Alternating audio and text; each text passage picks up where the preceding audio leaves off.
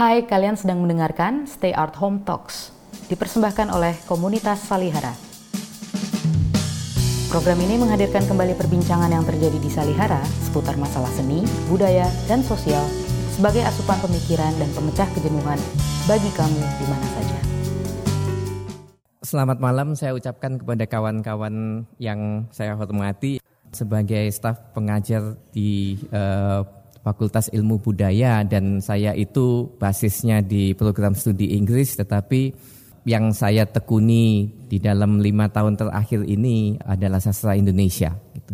Ironisnya di dalam proses itu saya justru agak ketinggalan zaman dari perkembangan mutakhir uh, pada saat ini. Oke, jadi suara-suara dari tepian negeri. Uh, istilah tanah air adalah sebuah produk imajinasi yang unik yang berangkat dari suatu kenyataan bahwa ada sekumpulan daratan dan sekelompok perairan yang dipandang sebagai satu entitas terpadu, tempat sebuah komunitas manusia berdiam. Gagasan yang menyatukan unsur tanah dan air sebagai wadah sekaligus sumber kehidupan bersama ini barangkali bisa dikatakan khas Indonesia dan langka didapati dalam bahasa-bahasa lain. Ada yang menyebut tanah air dengan istilah homeland atau fatherland atau motherland, tetapi pada umumnya istilah-istilah tersebut tidak mengejawantahkan kesadaran tentang bumi tempat tinggal komunitas manusia yang menyatukan diri sebagai nasion itu sebagai sebuah bangun yang dibentuk secara bersama-sama oleh daratan dan air. Dalam bahasa Indonesia juga dikenal istilah tanah tumpah darah, meski pemakaiannya tak sekerap tanah air dan rujukannya adalah pada tanah kelahiran. Gagasan tanah air ini lahir pada masa pergerakan nasional dan mengental pada masa revolusi, tetapi seperti kehilangan ruhnya ketika ambisi untuk menyatukan kelompok-kelompok bangsa berbeda dalam ruang bernama negara berubah menjadi obsesi. Pada 1922, Muhammad Yamin sudah memperkenalkan gagasan tanah air ini dalam sajaknya yang berjudul sama, Meski rujukannya saat itu boleh jadi hanya sebatas Sumatera Belaka sebagai tanah kelahirannya. Namun semangat yang terkandung dalam sajak ini senapas dengan tumbuhnya kesadaran nasional pada masa itu. Setelah itu Nur Sultan Iskandar menerbitkan novel Cinta Tanah Air pada 1944 yang merupakan masa peralihan dari era pergerakan nasional ke era revolusi. Kemudian gagasan dan kesadaran tentang tanah air ini tampaknya mulai tenggelam. Memang benar bahwa di masa Soekarno kekuatan laut Indonesia menjadi kekuatan terbesar di Asia Tenggara. Terlebih semasa kampanye pembebasan Irian Barat dari pendudukan Belanda. Namun tanah dan air dalam kerangka militer semacam ini maknanya berbeda dan biasanya melulu dipahami sebagai objek penguasaan dan medan penaklukan. Ia penting karena menjadi bagian dari sebuah politik teritorial dengan orientasi ekspansionis dengan Jakarta sebagai pusatnya. Maka Orde Baru dalam hal ini sama sekali bukan representasi diskontinuitas dari Orde Soekarno. Orde Baru melanjutkan gagasan tanah air yang memadat yang diwariskan oleh Soekarno dengan akibat terbentuknya supremasi daratan atas perairan. Ini bukan gagasan tanah air yang terbelah, melainkan tanah air yang mengering dan meranggas karena dimensi air yang dinamis dan mengalir bebas itu dilesapkan ke dalam dimensi tanah yang keras. Pengamatan pramudiaan natur terhadap kapal reot yang tak terpelihara yang membawanya ke pengasingannya di Pulau Buru mengukuhkan hal ini. Dalam kumpulan suratnya untuk putri sulungnya, Pram mengeluhkan kondisi kapal yang mengenaskan lewat ironi negeri bahari yang tak punya kepedulian pada pemeliharaan kapal-kapalnya. Di matanya ini adalah cerminan miskinnya kesadaran akan eksistensi laut sebagai jembatan utama pulau-pulau Nusantara. Tanah air yang dibayangkan memadat ini tak mampu mengakomodasi kemungkinan adanya lebih dari satu pusat. Maka baik di masa Soekarno maupun Soeharto, Jakarta sebagai ibu kota mengalami pemampatan sebagai pusat nasion. Dalam kancah produksi sastra, persepsi atas Jakarta sebagai pusat kesastraan dan kesenian juga mengemuka. Para pengarang daerah merasa bahwa mereka harus hijrah dan menetap di kota ini demi memperoleh akses ke penerbit dan media dalam perjalanan panjang mereka untuk menjadi warga sastra nasional. Dari jauh Jakarta terlihat sebagai sebuah benteng kokoh yang sulit ditembus. Seorang pengarang yang berbasis di Jawa Tengah, Gus Priyanto Nama, bahkan menyebut kelompok sastrawan mapan Jakarta sebagai kaum arogan. Media masa ibu kota pun tak luput dari kritik tajamnya. Di mata pengarang ini, Jakarta sama sekali tak mampu mengapresiasi kerja dan karya para pengarang daerah yang mati-matian bergiat dalam produksi budaya. Nyatanya memang kegiatan kultural di luar Jakarta terus meningkat jumlahnya dan kantong-kantong sastra bertumbuhan dengan subur di kota-kota kecil dan pelosok-pelosok di Jawa. Sebuah gerakan bernama Gerakan Sastra Pedalaman muncul di awal 1990-an dengan tujuan untuk menciptakan karya-karya yang tidak didikte oleh standar-standar estetika ibu kota. Geliat serupa yang berorientasi pada pedalaman juga terjadi di Sumatera dan Bali. Setiap daerah punya format dan strategi berbeda dalam mengungkapkan estetika lokal yang khas. Tetapi faktor pemersatu berbagai gerakan ini adalah ketidakpuasan mereka terhadap Jakarta. Sikap oposisional ini dikritik oleh Nerwan Dewanto yang mengingatkan bahwa pemosisian Jakarta sebagai pusat dan pengerahan gerakan perlawanan terhadapnya hanya akan berujung pada semakin kukuhnya mitos Jakarta sebagai lokus kuasa dominan. Gerakan sastra pedalaman bukanlah satu-satunya gerakan perlawanan terhadap kemapanan. Gerakan lain yang berpijak pada kesadaran bahwa Kepulauan Nusantara adalah sebuah entitas maritim muncul di Kepulauan Riau, Kalimantan, dan Sulawesi. Karya-karya yang dihasilkan secara sengaja mengedepankan unsur-unsur khas budaya lokal dan dalam banyak kasus mendapatkan dukungan dari pemerintah-pemerintah daerah setempat. Gerakan ini kerap disebut dengan gerakan sastra kepulauan karena memiliki tujuan untuk mengembalikan nilai penting aspek maritim dalam imajinasi bangsa tentang tanah air. Beberapa tokohnya menuding kekuasaan kolonial Belanda sebagai biang kerok marginalisasi aspek maritim ini dalam evolusi kesadaran kebangsaan yang berlanjut hingga ke era pasca kolonial. Ini sejalan dengan pandangan Muhammad Yamin yang menilai bahwa Belanda berhasil ini bukan Muhammad Yamin yang terkenal dan besar itu tetapi Muhammad Yamin zaman sekarang yang menilai bahwa Belanda berhasil menanamkan perspektif kontinental atas Nusantara di dalam benak masyarakat pribumi lewat kebijakan kolonial yang masif dan agresif di bidang pertanian dan hortikultura. Menurut Yamin lagi, bahkan sejak 1677, sebagian besar penduduk Jawa yang mendiami bagian timur pulau telah kehilangan pengetahuan mereka tentang laut. Mereka tak lagi memiliki kapal-kapal cukup besar untuk berdagang ke pelabuhan-pelabuhan jauh. Tren ini berlanjut hingga kini dan ini terbukti oleh kenyataan bahwa 95% industri perkapalan di Indonesia dikuasai oleh perusahaan kapal perkapalan asing dan 80% pukat harimau yang aktif dalam kegiatan perikanan di perairan Nusantara adalah milik pemodal-pemodal asing. Ditambah lagi dengan ditetapkannya Batavia sebagai pelabuhan utama dan pusat administrasi pemerintahan kolonial yang menyebabkan matinya banyak pelabuhan-pelabuhan tradisional di sepanjang pantai-pantai Kepulauan Nusantara menjelang akhir abad ke-17. Dalam tulisan ini saya mengupas karya-karya tiga pengarang perempuan yang tidak pernah dikait-kaitkan dengan berbagai gerakan sastra yang lahir semasa era Orde Baru di atas. Hana Rambe misalnya, seorang pengarang yang tak lagi muda, nyaris tak pernah disebut-sebut dalam wacana alternatif yang ditawarkan para penggiat sastra pedalaman dan sastra kepulauan. Meski ia cukup konsisten dalam memberi perhatian eh, akan pulau-pulau luar yang kecil serta memperlihatkan komitmen pada isu-isu yang berkenaan langsung dengan kemaritiman. Tak ada satupun kelompok di atas yang menganggap Rambe sebagai bagian dari gerakan mereka dan ia menjadi seorang pengarang perempuan yang nyaris bekerja sendirian dalam menyuarakan gagasan-gagasannya tentang Nusantara. Dalam novelnya Pertarungan yang terbit e, 2002, pembaca dengan jelas bisa melihat perspektif unik Rambe tentang tanah air dan hasratnya untuk membangun kesadaran akan perlunya memahami Nusantara dari titik pandang pinggiran yang jauh dari Jawa maupun Jakarta.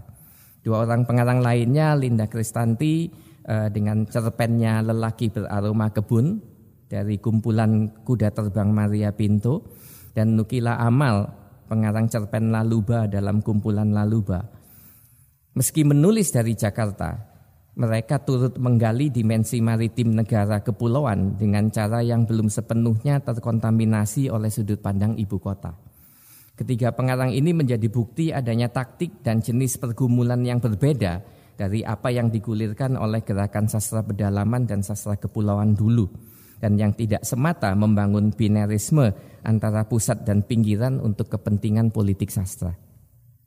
Saya sekarang akan masuk ke dalam pembahasan novel pertarungan yang eh, pertama kali sesungguhnya terbit sebagai cerita bersambung di harian Suara Pembaruan. Kemudian penulisnya mencoba untuk merevisi novel itu dan menawarkan kepada penerbit, tetapi tanggapannya tidak terlalu positif. Jadi dianggap ceritanya terlalu datar dan kering dan eh, kawan-kawan yang pernah membaca buku itu mungkin akan beranggapan sama. Saya akan mencoba menjelaskan nanti mengapa ada kesan seperti itu. Jadi Hana Rambe secara kategoris bukan merupakan bagian dari generasi pengarang pasca 1998 karena uh, ia telah memulai karir kepengarangannya uh, di masa Orde Baru.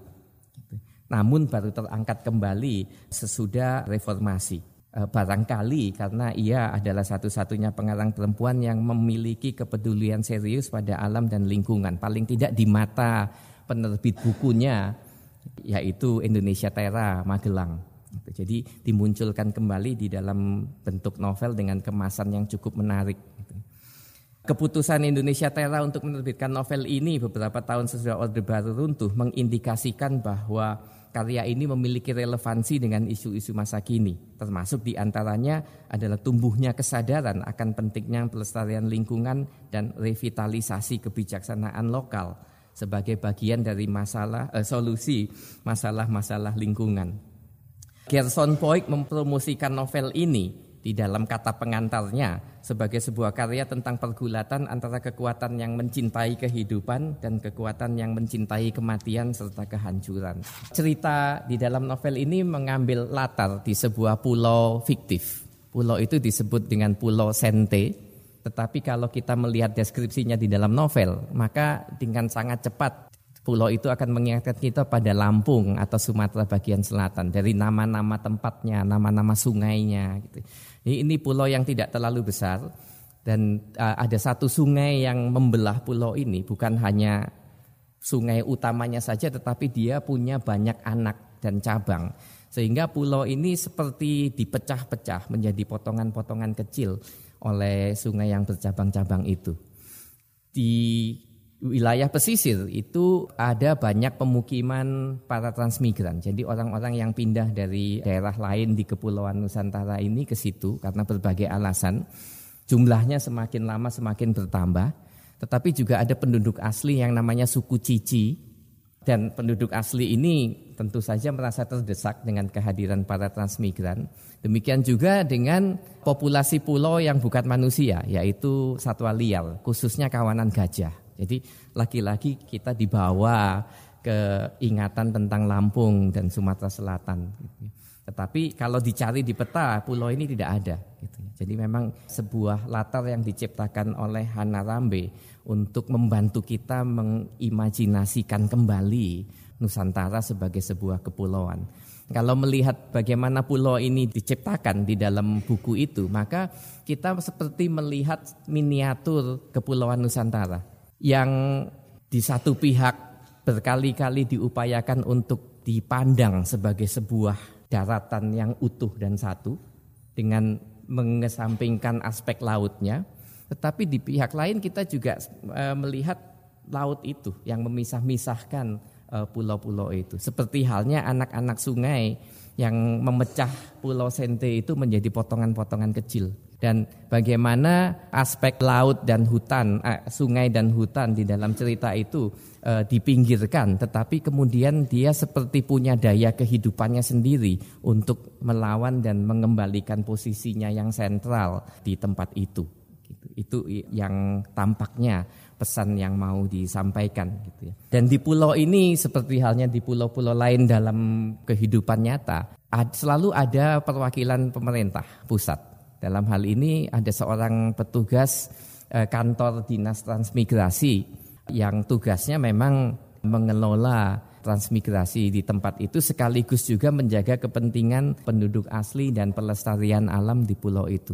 Gitu. Tetapi seperti biasa juga pegawai pemerintah ini digambarkan punya mental yang agak korup. Gitu ya.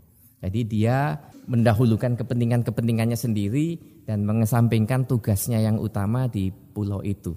Sente yang dilukiskan terbelah-belah oleh puluhan anak sungai yang mengalir di pulau itu seakan-akan menjadi metafora bagi kepulauan Nusantara sendiri. Sekumpulan pulau yang saling terpisah, tapi pada saat yang sama saling terhubung oleh air. Sama halnya dengan Sente, kepulauan Nusantara juga dirusak oleh kekuatan-kekuatan eksploitatif yang bertujuan menghisap seluruh sumber daya yang ada. Populasi pulau juga majemuk seperti halnya penduduk Nusantara. Hubungan antara etnik digambarkan cukup harmonis walaupun penduduk asli suku Cici terus-menerus kehilangan tanah-tanah adat mereka. Cerita mengambil latar di dua lingkungan berbeda. Lingkungan pertama adalah pemukiman transmigran yang dipimpin oleh seorang tetua desa bernama Yusuf dan desa ini makin hari makin berkembang eh, tetapi juga terancam oleh perluasan tanah-tanah yang dikelola oleh para pengusaha Jakarta yang memiliki hak pengelolaan hutan HPH ya namanya itu. Latar pertama ini adalah habitat manusia yang senantiasa kian meluas dan mendesak penduduk setempat serta satwa liar ke pedalaman. Latar kedua adalah hutan belukar yang menjadi habitat satwa liar seperti gajah serta suku cici yang tertutup dan cenderung menjauhi para pendatang. Kedua latar ini dihubungkan satu dengan yang lain oleh cabang-cabang sungai yang menjangkau ke seluruh pulau. Sejalan dengan berlalunya waktu, kedua latar ini tak lagi hadir berdampingan secara harmonis, melainkan mulai saling berkonflik. Di mata Yusuf, tetua desa transmigran, tinggal soal waktu saja sebelum manusia dan satwa liar akan saling berhadapan untuk memperebutkan air, makanan, dan ruang hidup. Pertanyaan yang senantiasa mengusik kalbunya adalah siapakah yang akan punah terlebih dahulu. Kembali ke pegawai pemerintah yang mengurusi kantor dinas transmigrasi di pulau itu namanya Agus. Jadi kita dari situ sudah bisa sedikit membaca latar belakang etniknya gitu ya. Agus ini selain menjadi petugas kantor dinas transmigrasi juga di waktu senggangnya menjadi guru yang mengajar orang-orang setempat baca tulis. Salah satu muridnya bernama Nunung. Ini cucunya Yusuf, tetua desa transmigran yang sangat terpukau oleh eh, cerita-cerita yang disampaikan oleh Agus tentang Jawa dan Jakarta gitu ya. Nunung yang mengikuti kelas baca tulis yang diasuh oleh Agus gemar mendengarkan cerita-cerita itu tentang gemerlapnya kota besar dan berbagai peluang yang tersedia di sana. Ia ingin melihat dengan mata kepalanya sendiri semua keajaiban kota besar itu, kutip buka, manusia hidup berdesak-desakan, mobil saling berhimpitan, gedung pun berlomba mencapai langit tempat hiburan yang penuh ikan, yang penuh permainan, yang penuh burung, penari, toko, pasar. Gadis-gadis yang bebas pergi ke sekolah, listrik yang menyala siang dan malam. Ia tak ingin menghabiskan seumur hidupnya di Seribu Nyur, nama desanya, sebagai ibu rumah tangga yang hanya sibuk mengurus rumah dan mengasuh anak. Nah, antara dia dan Agus terjadi hubungan gelap, sehingga kemudian Nunung itu mengandung Agus panik karena gajinya sebagai PNS tidak akan cukup untuk mengawini Nunung sehingga kemudian dia di dalam keterdesakannya memutuskan untuk meracuni gajah-gajah agar dia dapat mengambil gadingnya dan kemudian menggunakan uang hasil penjualan gading itu untuk biaya kawin. Untuk bisa membunuh gajah-gajah itu dia meminta racun racun gajah yang resepnya itu hanya diketahui oleh suku Cici. Dengan berat hati suku Cici mau memberikan racun itu kepadanya karena mereka berhutang budi. Sebab pada suatu waktu di masa lampau, Agus ini pernah menyelamatkan anak kecil suku Cici yang nyaris tenggelam. Jadi orang Cici merasa berhutang budi dan mereka e, membalas hutang budi itu dengan memberikan racun gajah itu. Tetapi hati nurani mereka sebetulnya menolak. Gitu. Tetapi kita juga melihat ketidakberdayaan mereka. Karena apa? Karena nasib tanah-tanah adat dan tanah-tanah leluhur cici di pulau itu sedikit banyak tergantung pada rekomendasi Agus kepada atasannya di pusat. Apakah kampung transmigran mau diperluas dengan kemudian mendesak suku Cici lebih jauh lagi ke pedalaman ataukah dia akan membela kepentingan suku Cici dengan mengendalikan uh, jumlah transmigran yang datang. Jadi betul-betul nasib dan hidup suku ini tergantung pada Agus yang sesungguhnya cuma pegawai rendahan dan mungkin tidak punya pengaruh pada pengambilan keputusan atau kebijakan di pusat. Tapi dia menampilkan dirinya seolah-olah dia punya kekuatan itu. Di samping itu ada sekelompok anak-anak muda dari Jakarta yang sekolah di Amerika dan pada saat libur panjang mereka akan datang ke pulau itu untuk berburu. Ada satu orang namanya Ted, satu orang Gunadi. Ted ini sengaja diungsikan ayahnya ke Amerika karena dia e, membunuh orang dan dicari-cari oleh polisi. Tapi karena ayahnya ini berkuasa dan juga dia seorang pemburu yang terkenal, maka dia e, menyekolahkan anaknya ke Amerika gitu. Gunadi ini anak seorang pemegang HPH di Pulau Sente. Jadi seperti yang punya pulau gitu. Mereka datang dua, dengan dua orang gadis Amerika yang lugu, yang mencari petualangan karena mereka mau berburu di pulau ini. Mereka mau berburu gajah. Jadi ini tokoh-tokoh yang lain dan dua orang gadis lugu dari Amerika ini kemudian bercita-cita mau membuat film tentang petualangan para pemburu berperang melawan gajah di pulau itu sebagai sebuah film laga gitu. Nantinya di akhir cerita Agus, Ted, Gunadi itu semuanya meninggal atau tewas ya karena matinya kurang enak gitu ya. Jadi Agus itu meninggal ketika dia tergelincir waktu memikul gading gajah mau turun dari perahu kemudian satu karung gading itu menimpa kepalanya. Ted dan Gunadi meninggal diinjak-injak gajah. Waktu terjadi kebakaran hutan dan mereka sedang berada di depan gajah-gajah itu dengan tujuan untuk membunuh dan mengambil gadingnya. Jadi ini yang yang skenario yang ada di dalam novel itu. Gitu. Uh, yang yang penting untuk disampaikan sebetulnya di dalam novel ini adalah tidak ada tokoh yang menonjol Yusuf yang kehadirannya cukup dominan di awal cerita kena stroke dan ya hampir seperti orang mati ya kecuali bahwa dia masih bernapas gitu. Nunung seorang perempuan yang punya ambisi tetapi dalam cerita hanya memainkan peranan sekunder ya ini sebagai pemberi motif bagi Agus untuk membunuh gajah dan mencuri gadingnya. Yang lain-lain semuanya tokoh-tokoh tadi menemui ajalnya seperti Agus. Jika harus ada satu tokoh yang peranannya menonjol sepanjang cerita, maka tokoh tersebut tak lain dan tak bukan adalah alam sendiri sebagai pusat konflik antara lingkungan dan manusia berperadaban yang mau menaklukkannya. Orang Cici dalam hal ini sepertinya menjadi juru bicara alam. Mereka tampak tidak berdaya dan terpinggirkan, tetapi roh-roh leluhur mereka lah yang berperan dalam menghukum para perusak lingkungan. Bagi masyarakat Cici, alam adalah sumber kehidupan utama hutan dan satwa liar adalah agen-agen kehidupan yang bermanfaat dan ketika ulah manusia sudah mulai menjadi ancaman serius bagi kehidupan, alam melakukan perlawanan balik. Serangan kawanan gajah dan kekeringan adalah indikasi adanya serangan balik alam atas ulah manusia. Alam dalam hal ini digambarkan sebagai sosok pemberi hidup, tetapi ketika kelangsungannya terancam, alam melepaskan kekuatan latennya yang luar biasa untuk mempertahankan diri.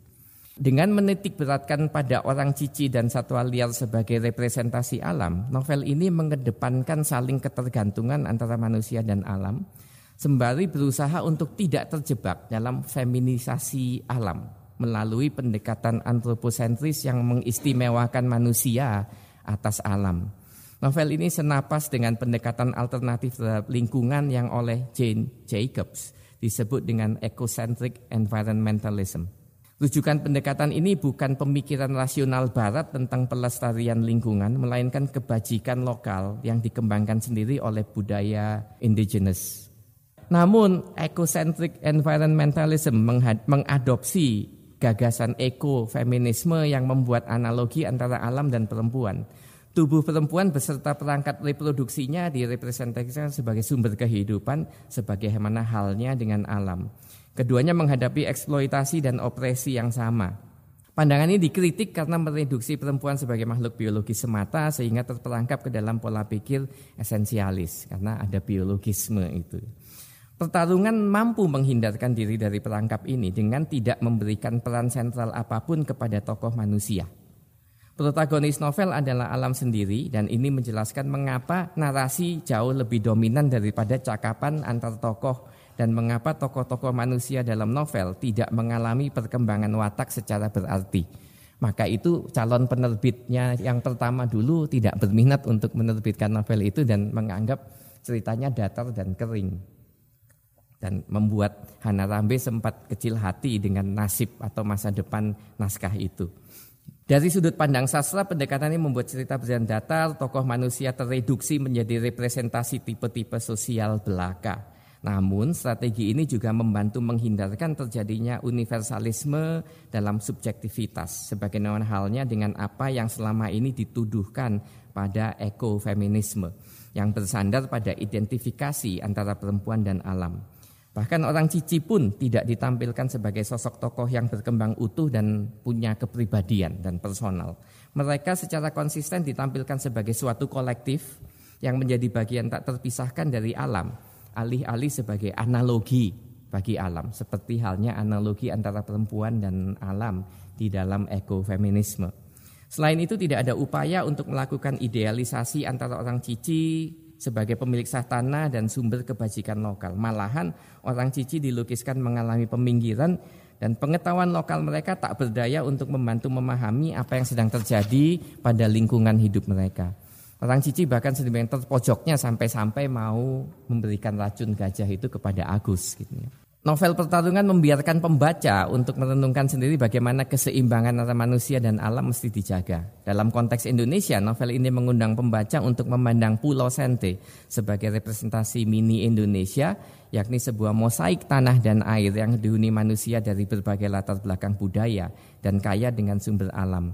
Namun pulau itu dieksploitasi habis-habisan oleh negara melalui para birokratnya yang korup dan berkong kali kong dengan para pemegang HPH tanpa peduli pada ekosistem. Meski sebagian besar peristiwa dan konflik terjadi di hutan dan anak-anak sungai yang membelah-belahnya menjadi pulau-pulau kecil, karakter Sente sebagai sebuah pulau lah yang mendasari pemahaman kita atas alam dan para penghuninya. Unsur tanah dan air sama-sama punya kapasitas untuk mengganjar para perusaknya dengan hukuman setimpal. Namun bagi para transmigran yang cinta damai dan memiliki kepekaan lingkungan, hidup mereka bergantung pada kemurahan hati alam yang dibentuk oleh kedua unsur itu. Kematian para tokoh jahat tidak membuat Sente dan para penghuninya terbebas dari ancaman. Disadari oleh narator bahwa orang-orang jahat akan tetap berdatangan dan mereka ini semua digambarkan berasal dari Jakarta atau memiliki koneksi dengan Jakarta. Pusat dalam hal ini justru menjadi antagonis cerita. Warga Sente sebagai, bagian dari warga yang berada di pinggir negeri tahu bahwa mereka tak akan bisa lepas dari dominasi Jakarta. Namun seperti orang Cici, para mantan transmigran yang kini sudah menganggap Sente sebagai rumah mereka juga percaya bahwa alam mampu mempertahankan dirinya sendiri ketika terdesak. Itu yang novel pertama.